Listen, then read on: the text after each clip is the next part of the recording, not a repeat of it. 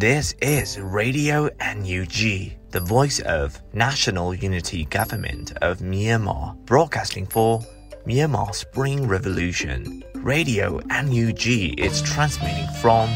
shortwave 16 meter 17.79 megahertz at 8:30 a.m. and 25 meter 11.94 megahertz at 8:30 p.m. Myanmar Standard Time. မင်္ဂလာပါခင်ဗျာ အမျိုးသားညီညွတ်ရေးအစိုးရရဲ့အတန်လွင့်ဌာန Radio NUG ကိုမနက်ပိုင်း၈နာရီခွဲမှာလိုင်းတို16မီတာစက္ကန့်တက်သမ9 MHz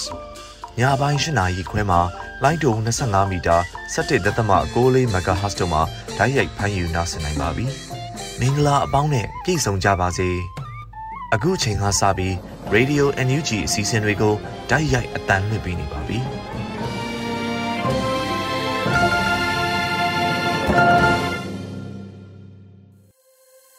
မြန်မာနိုင်ငံသူနိုင်ငံသားအပေါင်းတဘာဝပေးဆရာနာရှင်ပေတို့ကနေကင်းဝေးပြီးကိုစိတ်နှပါပေးကင်းလုံခြုံကြပါစေလို့ရေဒီယိုအန်ယူဂျီဖွယ်သားများကဆုတောင်းမြတ်တာပို့သလိုက်ရပါတယ်ရှင်။အခုချိန်ကစပြီးကာကွယ်ရေးဝန်ကြီးဌာနရဲ့စီရေးသတင်းချင်းချုပ်ကိုတော့မောင်ကျူးမှဖတ်ကြားတင်ပြပေးပါရမရှင်။အမျိုးသားညီညွတ်ရေးအစိုးရကာကွယ်ဝန်ကြီးဌာနကထုတ်ပြန်တဲ့နေ့စဉ်စီရေးသတင်းချင်းချုပ်ကိုတင်ပြပါတော့မယ်ခင်ဗျာ။နေ့စဉ်စီရေးသတင်းချင်းချုပ်ရာ စစ်ကောင်စီတပ်သား15ဦးသေဆုံးပြီး26ဦးထိခိုက်ဒဏ်ရာရရှိကြောင်းသိရှိရပါတယ်။စစ်ကောင်စီနဲ့တပ်ဝက်ပြပမှုသတင်းများကိုပထမဦးစွာတင်ပြပါမယ်ခင်ဗျာ။ဒီပြည်နယ်မှာ2022ခုနှစ်စက်တင်ဘာလ2ရက်နေ့ည7:00နာရီခန့်ကမြောက်ရီမြို့နယ်မြောက်ရီဝေါ်လီကားလမ်းပေါ်မှာလုံခြုံရေးယူထားတဲ့ကော်ဘရာစစ်ကြောင်းကိုလာရောက်ထောက်လန်းနေတဲ့စစ်ကောင်စီဒရုန်းကို Korean Eagles People Defense Force ကပစ်ချဖျက်ဆီးခဲ့ကြောင်းသိရှိရပါတယ်။စကိုင်းတိုင်းမှာ2022ခုနှစ်စက်တင်ဘာလ3ရက်နေ့ညနေ9:30မိနစ်ခန့်က ကလေးမျိုးနဲ့မွန်းထာကျေးရွာကိုစစ်ကောင်စီတပ်သား35ဦးကကားတစ်စီးနဲ့ကင်းလဲကြရာပြည်သူ့ကာကွယ်ရေးဖွဲ့ကလေးကမိုင်းဆွဲတိုက်ခတ်ခဲ့ပါတယ်။ကားတစ်စီးပျက်စီးခဲ့ပြီးစစ်ကောင်စီတပ်သား24ဦးထိခိုက်ဒဏ်ရာရရှိကတည်ဆုံသူများလည်းရှိကြောင်းသိရှိရပါတယ်။တနင်္သာရီတိုင်းမှာ2022ခုနှစ်စက်တင်ဘာလ2ရက်နေ့မနက်8:30မိနစ်ခန့်ကဒဝဲမြို့နယ်23မိုင်မှာမြစ်တာမြို့ကဆင်းလာတဲ့စစ်ကောင်စီတပ်သားများနဲ့ချီဝမ်မြင့်မတ်တပ်တပ်ခွဲ DGRF ပြည်သူ့ကာကွယ်ရေးဖွဲ့တဝဲပူးပေါင်းဖွဲ့တို့ရင်ဆိုင်တိုက်ပွဲဖြစ်ပွားခဲ့ရာ စစ်ကောင်စီတပ်သား15ဦးကတည်ဆုံခဲ့ပြီးပြည်သူ့ကာကွယ်ရေးတပ်သား2ဦးထိခိုက်ဒဏ်ရာရရှိတော့လည်းမစိုးရိမ်ရကြောင်းသိရှိရပါတယ်။စစ်ကောင်စီကကျွလွတ်တဲ့ရာသီမှုများကြောင်းကိုဆက်လက်တင်ပြပါမယ်ခင်ဗျာ။စကိုင်းတိုင်းမှာ2022ခုနှစ်စက်တင်ဘာလ3ရက်နေ့မနက်9:20မိနစ်ခန့်ကကျွန်းလာမြို့နယ်မော်ကဲကျေးရွာကိုခမရ361 369ကစစ်ကောင်စီတပ်သားများဝင်ရောက်ခဲ့ပြီးနေအိမ်များကိုမိရှုဖျက်ဆီးခဲ့ပါတယ်။စက်တင်ဘာလ2ရက်နေ့ကမုံရမြို့နယ်လယ်စင်းကျေးရွာကိုစစ်ကောင်စီတပ်ကအင်အား100ကျော်နဲ့ဝင်ရောက်စီးနင်းခဲ့ပြီး ကျေးရွာဘုံကြီးကျောင်းမှာရွာသူရွာသားများကိုဖမ်းဆီးစစ်ဆေးမှုများလှုပ်ဆောင်ခဲ့ကြောင်းသိရှိရပါတယ်။စက်တင်ဘာလ2ရက်နေ့မနက်6နာရီခန့်ကစကိုင်းမြို့နယ်တပင်းကွဲကျေးရွာကိုကျွဲပုံကျေးရွာကပြူစော်ဒီစစ်ကောင်စီတပ်သားများကလက်နက်ကြီးများနဲ့အဆက်မပြတ်ပစ်ခတ်ဝင်ရောက်ခဲ့ပြီးမနက်9နာရီကျော်ကမှနေအိမ်15လုံးကိုမိရှုဖျက်ဆီးခဲ့ကြောင်းသိရှိရပါတယ်။ယခုတင်ပြခဲ့တဲ့နေ့စဉ်စီးသတင်းချင်းချုပ်ကိုရေပြင်သတင်းတာဝန်ခံများနဲ့သတင်းဌာနများကဖော်ပြထားတဲ့အချက်များပေါ်အခြေခံပြုစုထားတာဖြစ်ပါတယ်။ကျွန်တော်မောင်ကျူပါ။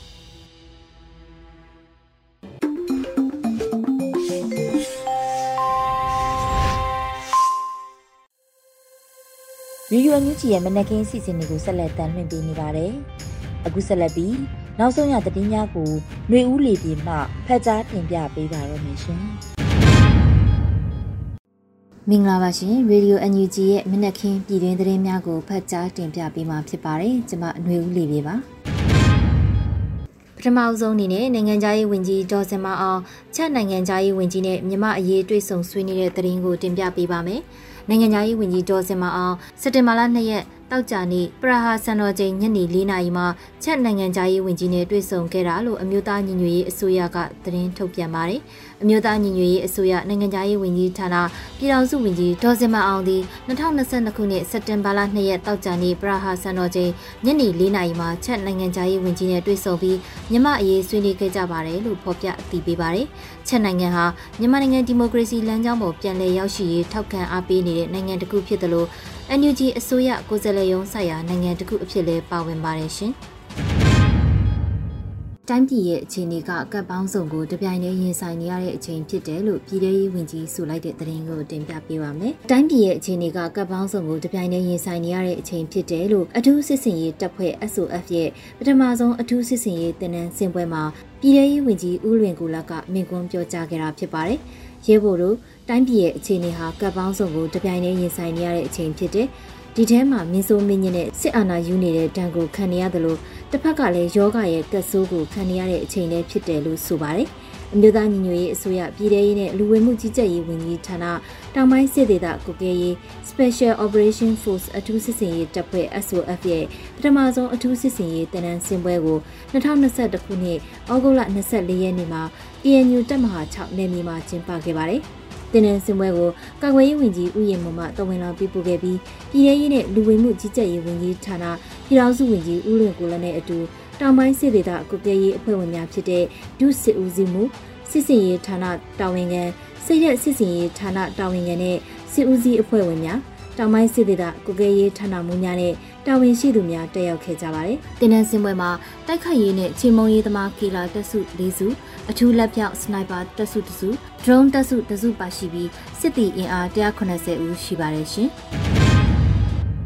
ဆက်လက်ပြီးနှွေဦးတော်လှန်ရေးမှာကြားနေဆိုပြီးနှုတ်ဆက်နေခြင်းဟာအကြမ်းဖက်စစ်တပ်ရဲ့ကျူးလွန်မှုတွေကိုအားပေးနေရကြတယ်လို့ဒုတိယဝန်ကြီးဦးတင်စာမောင်ဆိုလိုက်တဲ့သတင်းကိုတင်ပြပေးပါမယ်။နှွေဦးတော်လှန်ရေးမှာကြားနေဆိုပြီးတော့နှုတ်ဆက်နေခြင်းဟာအကြမ်းဖက်စစ်တပ်ရဲ့ကျူးလွန်မှုတွေကိုအားပေးနေရကြတယ်လို့ဒုတိယဝန်ကြီးဦးတင်စာမောင်ကဆိုလိုက်ပါတယ်။နှွေဦးတော်လှန်ရေးကာလအတွင်းလူငယ်များပေါ်လူမှုစီးပွားရိုက်ခတ်မှုစစ်တမ်းအစီရင်ခံစာမိတ်ဆက်တင်ဆက်ခြင်းအခမ်းအနားမှာဒုတိယဝန်ကြီးဤတင်စာမောင်ကထည့်သွင်းပြောပါတယ်။ စစ်တပ်ဘက်ကလည်းမပါဘူးတော်လန်ရေးဘက်ကလည်းမပါဘူးဂျားနေဆိုပြီးနေနေကြတဲ့လူတွေရှိတယ်အခုဟာကဂျားနေဆိုပြီးနေနေလို့မရပါဘူးဘာလို့လဲဆိုတော့ကိုနှုတ်ဆက်နေခြင်းကအပြစ်လုပ်ခြင်းတွေကိုအားပေးရကြတယ်လို့ဝင်ကြီးကဆိုပါတယ်အကြံဖက်စစ်တပ်ဟာအမျိုးသမီးတွေကိုလိမ်ပိုင်းဆိုင်ရာကျူးလွန်မှုတွေအပြင်စစ်အာဏာရှင်စနစ်ဆန့်ကျင်တဲ့ငြိမ်းချမ်းစွာစုဝေးတဲ့လူငယ်တွေကိုလမ်းမပေါ်မှာပဲတပ်ဖြတ်ခဲ့တယ်လို့ဒုတိယဝန်ကြီးကထပ်လောင်းပြောပါတယ်လက်ရှိမှာအကြံဖက်စစ်တပ်ဟာလူပေါင်း1000ကျော်ကိုဖမ်းဆီးချုပ်နှောင်ထားပြီး လူပေါင်း2000ကျော်ကိုတပ်ဖြတ်ခဲ့ပါတယ်ရှင်။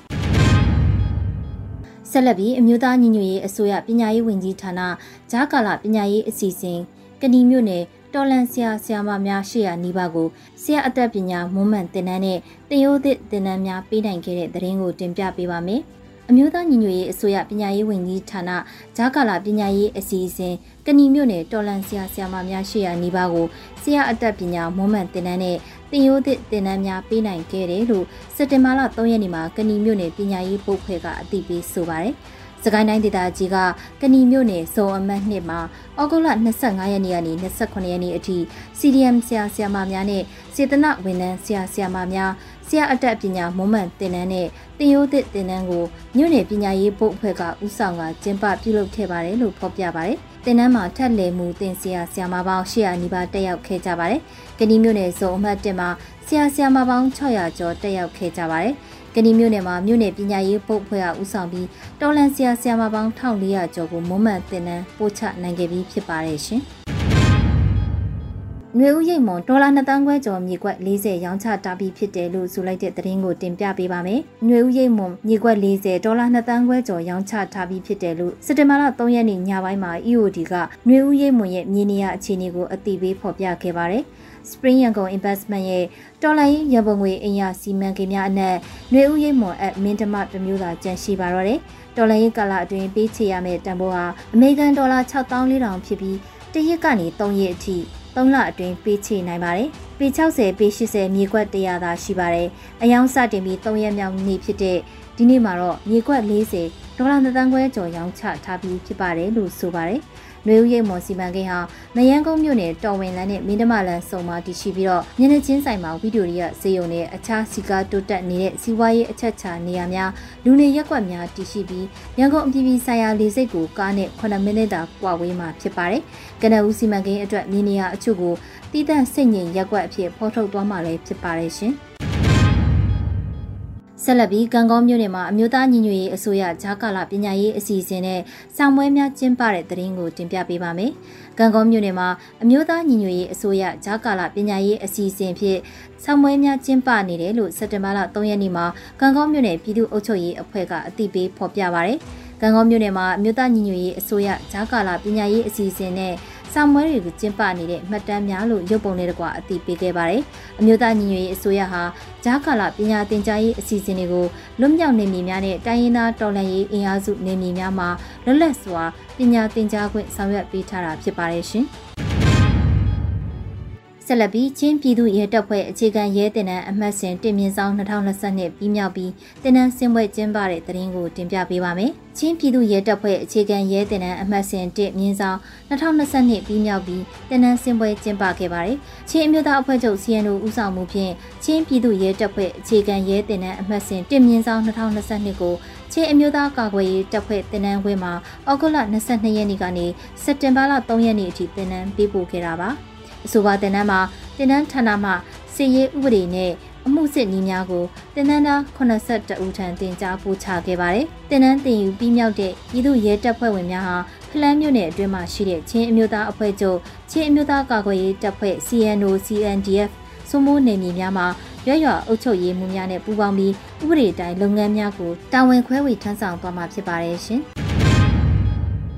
အခုဆက်လက်ပြီးကဏီမျိုးနယ်ကြောက်လုံးကြီး KLG PDF တရင်၃ရင်အတွက်အမျိုးသားညီညွတ်ရေးအစိုးရ NUG ကနေတရားဝင်တရင်နံပါတ်တွေချပေးလိုက်တဲ့သတင်းကိုတင်ပြပေးပါမယ်။စကိုင်းတိုင်းကဏီမျိုးနယ်ကြောက်လုံးကြီး KLG PDF တရင်၃ရင်အတွက်အမျိုးသားညီညွတ်ရေးအစိုးရ NUG ကနေတရားဝင်တရင်နံပါတ်များချပေးလိုက်တယ်လို့စက်တင်ဘာလ3ရက်နေ့မှာကဏီမျိုးနယ်ကြောက်လုံးကြီး KLG PDF တရင်ကအသိပေးဆိုပါတယ်။ကျွန်တော်တို့ကဏီမြို့နယ်ကြောက်လုံးကြီး KLG PDF တရင်3ရင်အတွက် မြို့သားညီညွတ်ရေးအစိုးရ NUG ကတရားဝင်တရင်နံပါတ်21 22 23ဆိုပြီးတရင်နံပါတ်တွေချပေးလိုက်ပါတယ်လို့ဆိုထားပါတယ်။မြို့သားညီညွတ်ရေးအစိုးရကာကွယ်ရေးဝန်ကြီးဌာနကမှတ်ပုံတင်ပေးခဲ့တဲ့တရင်တပ်ဖွဲ့ပေါင်း250ခန့်ရှိပြီဖြစ်ပါတယ်ရှင်။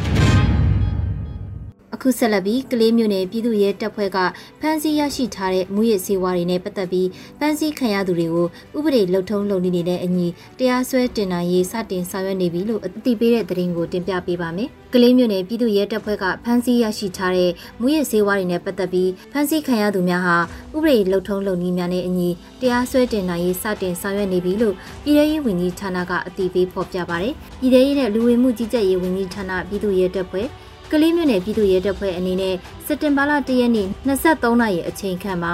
ကလေးမြို့နယ်နတ်ချောင်းပြည်သူ့ကာကွယ်ရေးတပ်ဖွဲ့ကနေမြေစိုးမိုးရေးနဲ့တရားဥပဒေစိုးမိုးရေးလုပ်ငန်းများဆောင်ရွက်နေစဉ်မှာကျေးရွာအတွင်းမူရစ်စေဝါရောင်းချသူ2ဦးမူရစ်စေဝါသုံးစွဲသူ2ဦးကိုဖမ်းဆီးရမိပါတယ်။ဖမ်းဆီးရမိသူများထံမှချမ်းစိန်ဆေးဘူးနှစ်ဘူးအတွင်းထည့်ထားတဲ့မူရစ်ဆေးဝါး18ဂရမ်ခန့်အနီအောင်ဆက်ပြခွက်နဲ့ထည့်ထားတဲ့မူရစ်ဆေးဝါး10ဂရမ်ခန့်မူရစ်ဆေးဝါးထည့်ထားတဲ့ပနက်စလင်9ပလင်း ခံမှန်း10ခန့်မူရည်စေဝါရောင်းချရမှာအသုံးပြုတဲ့ကန်တာအမျိုးအစားအနီအနက်ရောင်125ဆိုင်ကယ်တစ်စီး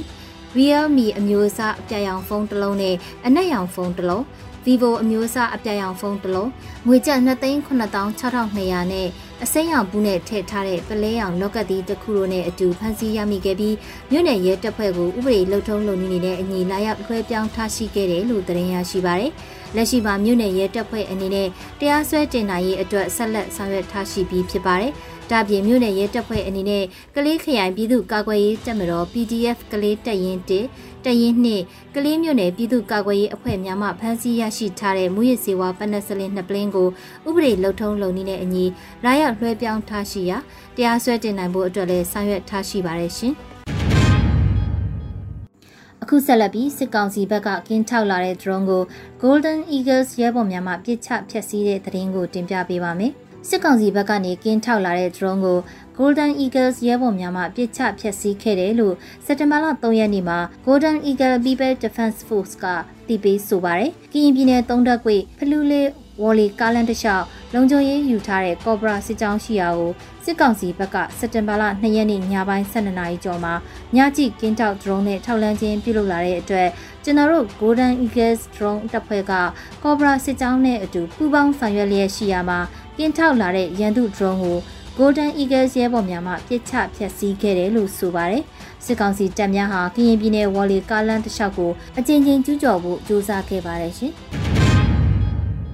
အခုဆက်လက်ပြီးမြိုင်မြို့နယ်ကန်နီပြူစောတိကျေးရွာမှာကာကွယ်ရေးတပ်ဖွဲ့များနှစ်ရက်တာတိုက်ပွဲဖြစ်ပွားရာစစ်ကောင်စီတပ်ဘက်က9ဦးသေဆုံးပြီးကာကွယ်ရေးတပ်ဘက်က2ဦးကြာဆုံးတဲ့သတင်းကိုတင်ပြပေးပါမယ်။မကွေးတိုင်းမြိုင်မြို့နယ်ကန်နီပြူစောတိကျေးရွာမှာကာကွယ်ရေးတပ်ဖွဲ့များနှစ်ရက်တာတိုက်ပွဲဖြစ်ပွားခဲ့ပါတယ်။စက်တင်ဘာလ3ရက်နေ့မှာစစ်ရေးသတင်းကိုစစ်တပ်နဲ့ကာကွယ်ရေးတပ်ကဖော်ပြပါတယ်။စက်တင်ဘာလ1ရက်နေ့ညနေ9:00နာရီမှာတကြိမ် နှစ်ရက်နေ့မနက်7:00နာရီမှာတကြိမ်မကွေးတိုင်းဒေသကြီးမြိုင်မြို့နယ်ကဏီပြူစောတိကျေးရွာကိုပျောက်ကြားတပ်ဖွဲ့များစုပေါင်းပြီးဝင်ရောက်စီးနင်းခဲ့ပါတယ်။တိုက်ပွဲကြာချိန်မှာတရက်နေ့မှာ2နာရီအကြာတိုက်ခိုက်ခဲ့ပြီး2ရက်နေ့မှာတော့3နာရီအကြာဖြစ်ပွားခဲ့တယ်လို့ဆိုပါတယ်။တိုက်ပွဲမှာနှစ်ဖက်ပြင်းထန်ပြီးစစ်ကောင်စီဘက်ကစနိုက်ပါတပ်သားတအူးအပါအဝင်9ယောက်သေဆုံးကအများပြားပြင်းထန်ဒဏ်ရာရရှိခဲ့ပါတယ်။ ပြည်သူ့ကာကွယ်ရေးဘက်ကလည်းရဲဘော်တယောက်ကြာဆုံးပြီး9ယောက်ထိခိုက်ဒဏ်ရာရခဲ့ပါတယ်။စစ်စင်ရေးကိုရင်းမပင်ခရိုင်အမှတ်7ပလဲတရင်ကစစ်တပ်နဲ့ပျောက်ကြားတပ်ဖွဲ့ဦးဆောင်ပြီး MRDA, PCSY, တိတ်ငက်နီရွှေဟင်းသာအညာမြေ MVRF ဒေါင်းနဲ့ပျောက်ကြားတပ်ဖွဲ့ရွှေဘိုတက်ရင်910 MRG တမမြေပျောက်ကြားတပ်ဖွဲ့မြိုင်မြို့နယ်ပြည်သူ့ကာကွယ်ရေးတပ်မတော်ရွှေဓာဘူဘိုရန် TK အညာတောင်း ငကနီပျောက်ကြားတပ်ဖွဲ့ MPL ပျောက်ကြားတပ်ဖွဲ့ဒေါင်းစစ်တီပျောက်ကြားတပ်ဖွဲ့ PCM Force လင်းုံပျောက်ကြားတပ်ဖွဲ့တို့ပါဝင်ခဲ့ပါတယ်ရှင်အခုဆက်လက်ပြီးမြင်းမှုမျိုးနယ်ရဲစကောင်းဝင်းအတွင်းလက်ပစ်ပုံပစ်သွင်းတိုက်ခိုက်ရာရဲတူပွဲချင်းပြီးတေဆုံးပြီး သုံးအတွင်းလူနာအဖြစ်ကုသနေရတဲ့သတင်းကိုတင်ပြပေးပါမယ်။စကိုင်းတိုင်းမြင်းမှုမျိုးနယ်ရဲစခန်းဝင်းအတွင်းလက်ပစ်ပုံပစ်သွင်းတိုက်ခိုက်ရမှာရဲတူပွဲချင်းပြီးတေဆုံးပြီးသုံးအတွင်းလူနာအဖြစ်ကုသနေရပါတယ်။စက်တင်ဘာလ3ရက်မနက်7:39မိနစ်အချိန်မှာ0ပျောက်ကြားတပ်ဖွဲ့မြင်းကြံနဲ့မဟာမိတ်တို့ကတိုက်ခိုက်ခဲ့ပါတယ်။မြင်းမှုမြို့နယ်ရဲစခန်းဝင်းမှာကင်းဆောင်နေတဲ့ရဲနှဦးစစ်ကောင်စီတပ်3ဦးဟာနနက်သီးတစ်လုံးမြင်းကုတ်သီးတစ်လုံးအားဝလေးလုံးဖျားပေးရနေအနိကပြစ်ခတ်တိုက်ခိုက်ခဲ့ရာ တကောင်မှနေရာမှာစီဝိန်ချုပ်သွားခဲ့ပြီးသုံးကောင်မှအတွင်းလူနာအဖြစ်ကုသနေပါတယ်လို့ဆိုပါတယ်။၎င်းတိုက်ခိုက်မှုကို0ပျောက်ကြားတပ်ဖွဲ့မြင်းကြံနဲ့ True Fighter အဖွဲ့တို့မှပူးပေါင်းလှုပ်ဆောင်ခဲ့ခြင်းဖြစ်ပြီးတော်ကြီးကန်စစ်စင်ရေးအားဂုံပြူတိုက်ခိုက်ခဲ့ခြင်းဖြစ်ပါတယ်ရှင်။အခုတင်ပြပေးခဲ့တဲ့သတင်းတွေကိုတော့ Radio NUG သတင်းတောက်မင်းမင်းကပေးပို့ထားတာဖြစ်ပါတယ်။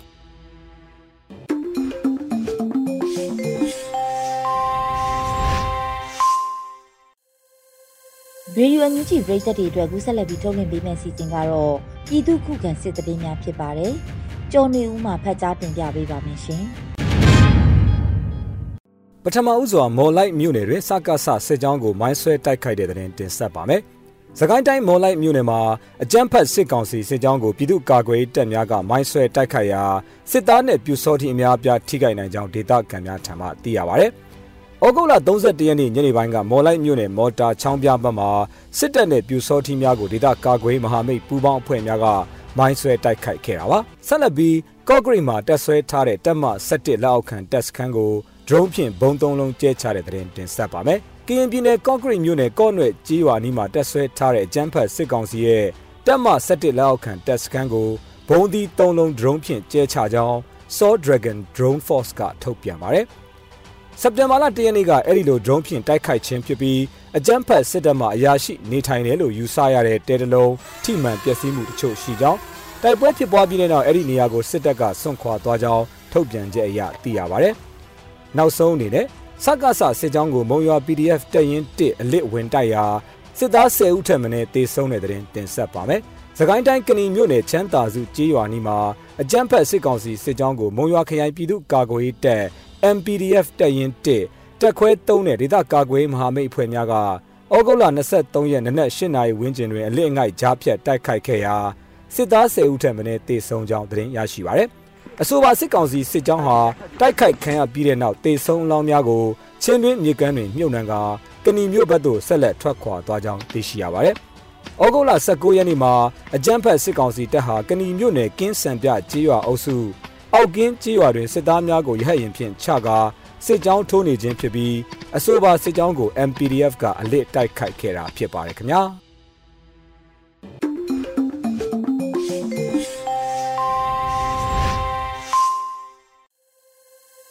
ရေဒီယိုအန်ယူဂျီမှာဆက်လက်တမ်းလွှင့်ပေးနေပါတယ်။အခုဆက်လက်ပြီး PPTV ရဲ့နေ့စဉ်သတင်းများကိုထက်ထက်အင်ဒရာအောင်မှဖတ်ကြားတင်ပြပေးပါရမရှင်။ အခုချိန်ကစပြီး PPTV သတင်းတွေကိုတင်ဆက်ပေးတော့မှာပါ။ကျွန်မထက်ထက်အင်ဒရာအောင်ပါ။ပထမဆုံးတင်ဆက်ပေးမယ့်သတင်းကတော့ငွေကြေးဖောင်းပွားမှုကြောင့်မြန်မာစီးပွားရေးကအလွန်ထိတ်လန့်ပွဲကောင်းနေပြီးပြည်သူတွေအပေါ်ဆိုးကျိုးတက်ရောက်မှုတွေဖြစ်စေတယ်လို့တာမတ်ကြီးဦးကျော်မှုထွန်းပြောကြားလိုက်တဲ့သတင်းကိုတင်ဆက်ပေးပါမယ်။မြန်မာနိုင်ငံအတွင်းမှာငွေကြေးဖောင်းပွားမှုတွေကစီးပွားရေးအတွက်အလွန်ထိတ်လန့်ပွဲကောင်းရုံသာမက မြန်မာနိုင်ငံအတွင်းနေထိုင်ကြတဲ့ပြည်သူတွေရဲ့လူနေမှုဘဝနဲ့စီးပွားရေးလုပ်ငန်းတွေအပေါ်အကျိုးသက်ရောက်မှုတွေလက်ငင်းဖြစ်ပေါ်စေတယ်လို့တာမတ်ကြီးဦးကျော်မှုထွန်းကပြောကြားလိုက်ပါတယ်။နယူးယောက်မြို့မှာစက်တင်ဘာလ၁ရက်နေ့ကပြုလုပ်တဲ့ကုလလူဦးရေရမုံငွေအဖွဲ့ရဲ့နိုင်ငံအလိုက်ဆောင်ရွက်နေတဲ့အစီအစဉ်အစည်းအဝေးမှာအခုလိုထည့်သွင်းပြောကြားလိုက်တာပါ။လက်ရှိအခြေအနေမှာ COVID-19 ကပ်ရောဂါအပြင်မြန်မာစစ်တပ်ရဲ့တရားမဝင်အာဏာသိမ်းမှုတို့ကြောင့်ပြည်သူတွေကအခက်အခဲပေါင်းများစွာနဲ့ရင်ဆိုင်နေကြရတယ်။ ဒီလိုခက်ခဲတဲ့အခြေအနေမှာအမျိုးသမီးတွေနဲ့မိန်းကလေးတွေအနေနဲ့အလွန်မင်းထိခိုက်လွယ်တဲ့အခြေအနေရှိတယ်။တရားမဝင်စစ်တပ်အာဏာသိမ်းမှုကြောင့်ပြည်သူတွေရဲ့လူမှုစီးပွားရေးဖွံ့ဖြိုးတိုးတက်မှုတွေနဲ့နေ့စဉ်လူနေမှုဘဝတွေမှာလည်းဆိုးရွားစွာထိခိုက်လျက်ရှိတယ်။အထူးသဖြင့်အမျိုးသမီးတွေနဲ့မိန်းကလေးငယ်တွေကပုံစံအမျိုးမျိုးသောညှဉ်းပန်းမှုတွေကစပြီးနေရဆွန့်ခွာမှုတွေကိုပါကြုံတွေ့နေရတယ်ဆိုပြီးတော့လဲတာအမတ်ကြီးဦးကျော်မိုးထွန်းကထည့်သွင်းပြောကြားလိုက်ပါတယ်။ ဒါအပြင်စီးပွားရေးကဏ္ဍမှာလည်းအထူးစိုးရိမ်ရတယ်လို့ထောက်ပြထားပြီးအာဏာမသိမ်းခင်အခြေအနေတွေမှာ American ဒေါ်လာငွေလဲနှုန်းကမြန်မာကျပ်ငွေ1400ခန့်သာရှိခဲ့ရလက်ရှိချိန်မှာ American ဒေါ်လာငွေလဲနှုန်းကမြန်မာကျပ်ငွေ4100ထိ3ဆကိုတိတိတတ်တာမြင့်တက်ခဲ့တယ်လို့လည်းပြောကြားထားပါတယ်။အဲ့လိုငွေကြေးဖောင်းပွားမှုတွေကမြန်မာစီးပွားရေးအတွက်အလွန်ထိတ်လန့်ပွဲကောင်းရုံသာမက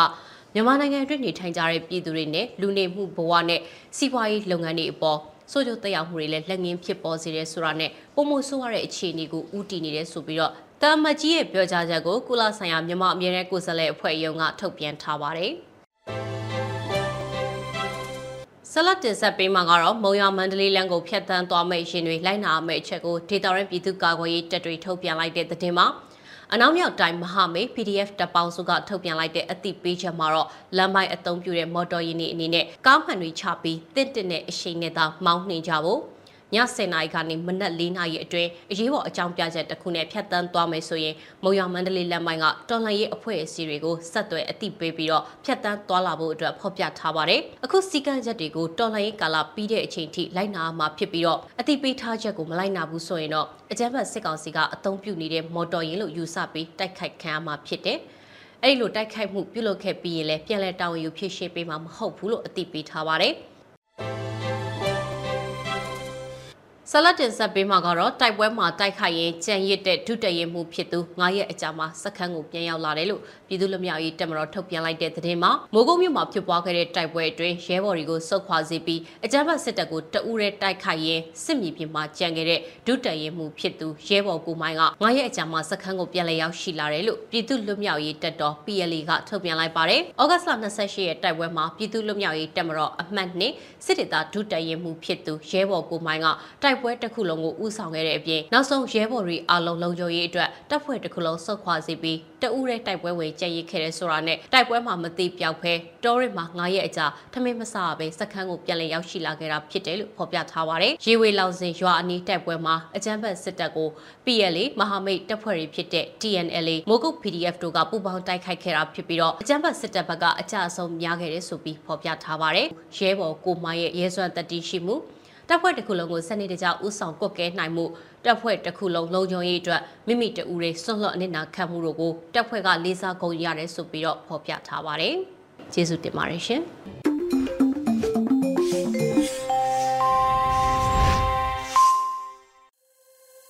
ရေရွယ်ညူဂျီပရိသတ်တွေအတွက်ကူးဆက်လက်ပြီးထုတ်လွှင့်ပေးမယ့်အစီအစဉ်ကတော့တိုင်းရင်းသားဘာသာစကားနဲ့သတင်းထုတ်လွှင့်မှုအနေနဲ့ချိုးချင်းဘာသာစကားခွဲတစ်ခုဖြစ်တဲ့မွန်ဘာသာစကားဖြင့်သတင်းထုတ်လွှင့်မှုကိုနားဆင်ကြရတော့မှာဖြစ်ပါတယ်။ ဒီအစီအစဉ်ကို Radio NUG နဲ့ချိုးချင်းဘာသာစကားသတင်းထုတ်လွှင့်မှုခွဲတို့ကပူးပေါင်းတင်ဆက်ထားတာဖြစ်ပါတယ်ရှင်။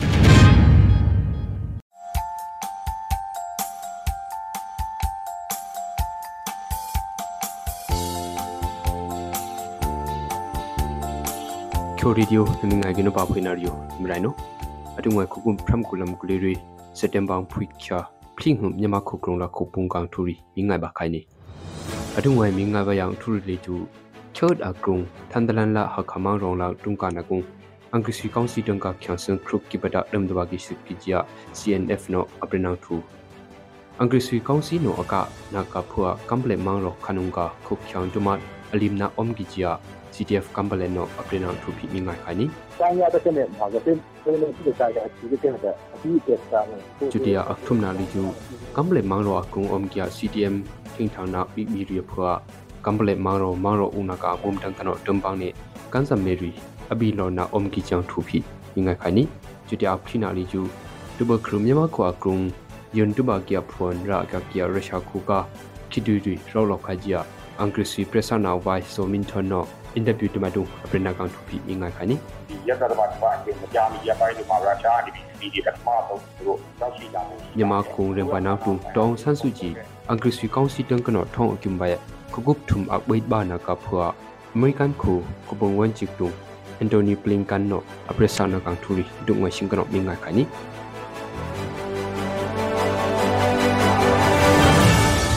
ကဘုံဖရမ်ကူလမ်ကူလီရီဂျူလမ်ကခါထုမ်ကိပုန်ကနော် ထန်ဒရန်လာဟာခမောင်ရောစနကန်လာကုံအင်္ဂလိပ်စီကောင်စီလာ CNF CJTC CND mum jang la kung tungka na omne angrisui kaunsi tengka kyangseng kruk ki bada dum dwa gi sik ya CNF no ndubi kya thumkip le ang pritkini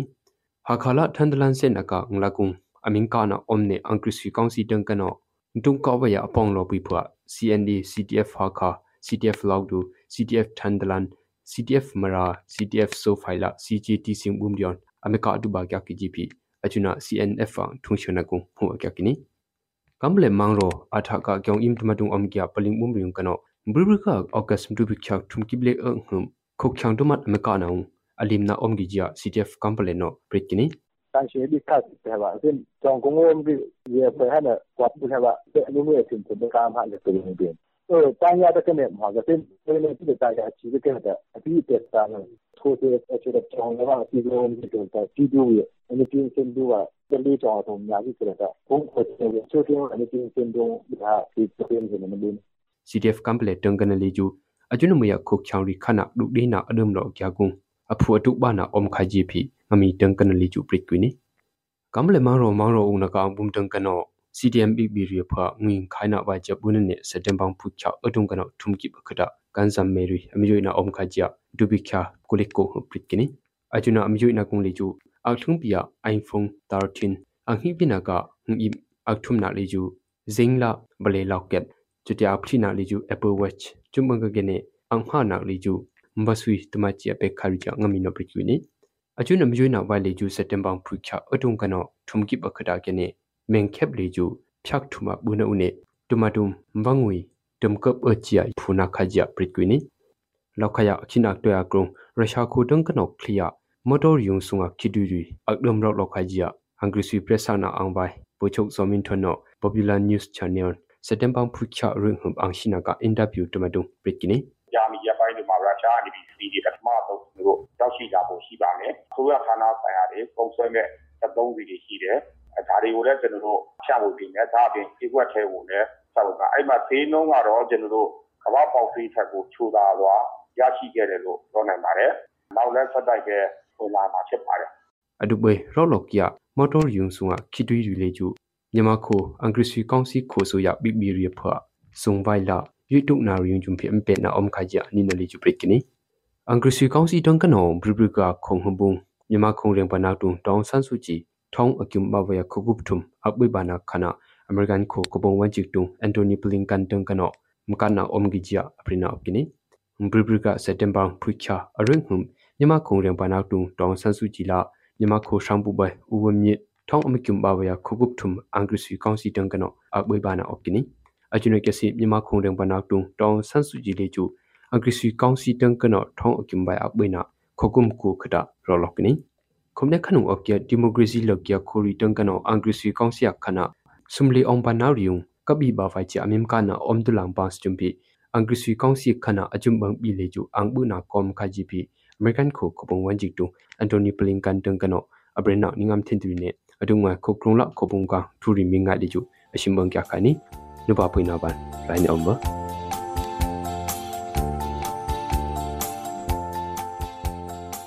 ဒီကနေ့ကတော့ဒီညနေပဲ Radio NUG ရဲ့အစည်းအဝေးကိုခਿੱတရနာလိုက်ပါမယ် မြန်မာစံတော်ချိန်မနက်၈နာရီခွဲနဲ့ည၈နာရီခွဲအချိန်တွေမှာပြန်လည်ဆုံးဖြတ်ကြပါစို့ Radio NUG ကိုမနက်ပိုင်း၈နာရီခွဲမှာလိုင်းဒို16မီတာစက္ကန့်တသမ9 MHz ညပိုင်း၈နာရီခွဲမှာလိုင်းဒို25မီတာ17တသမ6 MHz တို့မှာဓာတ်ရိုက်ဖမ်းယူနားဆင်နိုင်ပါပြီမြန်မာနိုင်ငံသူနိုင်ငံသားများကိုယ်စိတ်နှပြချမ်းမာချမ်းသာလို့ဘေးကင်းလုံခြုံကြပါစေလို့ Radio NUG အဖွဲ့သူအဖွဲ့သားများကဆုတောင်းလိုက်ရပါတယ်။အမျိုးသားညီညွတ်ရေးအစိုးရရဲ့စက်သွေးရေးသတင်းအချက်အလက်နဲ့ဤပညာဝန်ကြီးဌာနကထုတ်လွှင့်နေတဲ့ Radio NUG ဖြစ်ပါတယ်။ San Francisco Bay Area အခြေစိုက်မြန်မာမိသားစုများနဲ့နိုင်ငံတကာကစေတနာရှင်များလှုပ်အားပေးများရဲ့ Radio NUG ဖြစ်ပါတယ်